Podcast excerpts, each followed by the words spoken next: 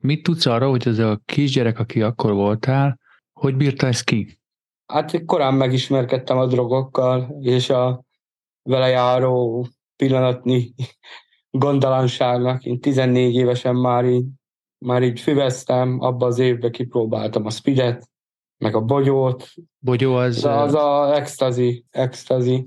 Ezeket így végig mentem a ranglétrán, mindent kipróbáltam, amit, amit heroinon, meg a szipuzáson kívül minden kipróbáltam. Régen volt ez a mondat is, hogy hát annyit kell csinálni a droggal, lehet így tanítani a fiatalokat, hogy csak mondj nemet. És tudod, ez így abból indul ki, mint hogyha az illető nem, nem értené, nem tudná, hogy, hogy hát ez nem jó. És az a történet is, amit mesélsz, az nekem arról is beszél, hogy ez azért bonyolultabb dolog. Valahogy az nincs ebben az egyenletben benne, hogy valamilyen okkal kezdik el használni ezek a fiatalok ezeket a szereket, az nem azt jelenti, hogy ez jó nekik, főleg hosszú távon, és nem azt jelenti, hogy, hogy ők minden ártalmat látnak, de azért gondolom valamit, valamit tudtál te is arról, hogy ez azért nem egy jó dolog, vagy ezt így, ezt így mondja a környezet, nem? Igen, igen, ez, ez, ez, az, tudja, szerintem aki ezt kipróbálja, az tudja, hogy nem jó dolog. Akkor mit mondasz arra, hogy, hogy mit adott neked, ami miatt nem csak, hogy kipróbáltad, hanem egyre többféle drogot kipróbáltál? Társaságot, barátokat, úgymond, úgymond időzőjelbe barátokat, meg, meg olyankor az ember így elfelejt egy kicsit a gondjait talán. Azért gyerekkoromtól elkísért az, hogy bárcsak el, elvinnének intézetbe, bárcsak meghalnék, azért, azért, azért ezek az emberben benne, benne vannak, meg benne, benne voltak. Voltak ilyen gondolataid? Akkor... Igen, így, így többször így milyen jó lenne intézetbe, vagy meghalni. Mi tartott itt? Mi tartott itt az életben, hogy mondod, hogy ilyen nehéz érzések, akár a, akár a halálvágy is megjelent, mint gondolat.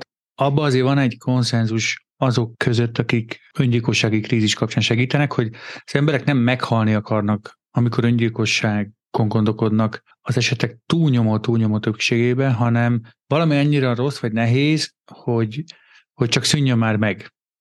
Mm, nem, nem, nem tudom, hogy miért maradtam. Mi, miért? Ja, szerintem úgy gondolom, hogy Istennek terve volt vele, velem. És hogy az, az a gyerek mit mondott volna, mi tartotta őt meg, annak ellenére, hogy vannak ilyen gondolatai, hogy annyira nehéz, hogy ilyen gondolatai vannak. Nem, nem, nem tudok rá okot erre, hogy mi volt az, ami így visszatartott. Talán a két öcsém, mert azért így, így elég korán felelősséget kellett értük vállalnom, mert ugye amikor Fateron börtönbe került, akkor meg már teljesen átvettem én a, a család fenntartó szerepét. Aha. Ott abba kellett hagyni a tanulmányémat is, minden. Tehát a család és a, az öcséid. Mm. Fontos emberek. És figyelj, így mondod ezt, hogy örültél volna, hogy ha állami gondozásba kerülsz. Te jól értem, hogy valahogy így mind az állami gondozás, mind pedig az, hogy, hogy akár meghalni is talán lehet, hogy jobb benne, az nekem arról is mesél, hogy csak úgy ki innen. Ilyen kiút. Igen, azért kicsit rossz úgy felnőni, hogy körülöttem mindenki, ah, ezeknek új, új kocsi, új mindenek, még ha nem ettem egy hete kenyeret nem ettem semmit egy hete, ti meg azon nyavajogtok, hogy, izé, hogy én most meg kapom az új telefonom, lesz-e mobilom, azt kérek ballagásra. Volt, hogy nem volt elég étel? Hát így igen, így rengetegszer. Volt úgy, hogy napokig nem ettünk. És ezt hogy bírtátok ki? Az iskolában mit kaptunk enni, annyi. A kontextus számít, a párbeszéd fontos. Ennek a klipnek a kontextusát egy podcast epizód adja. Azt a beszélgetést a leírásban található linken éred el. Ha kíváncsi vagy hasonló tartalmakra, kövess minket a felületeinken.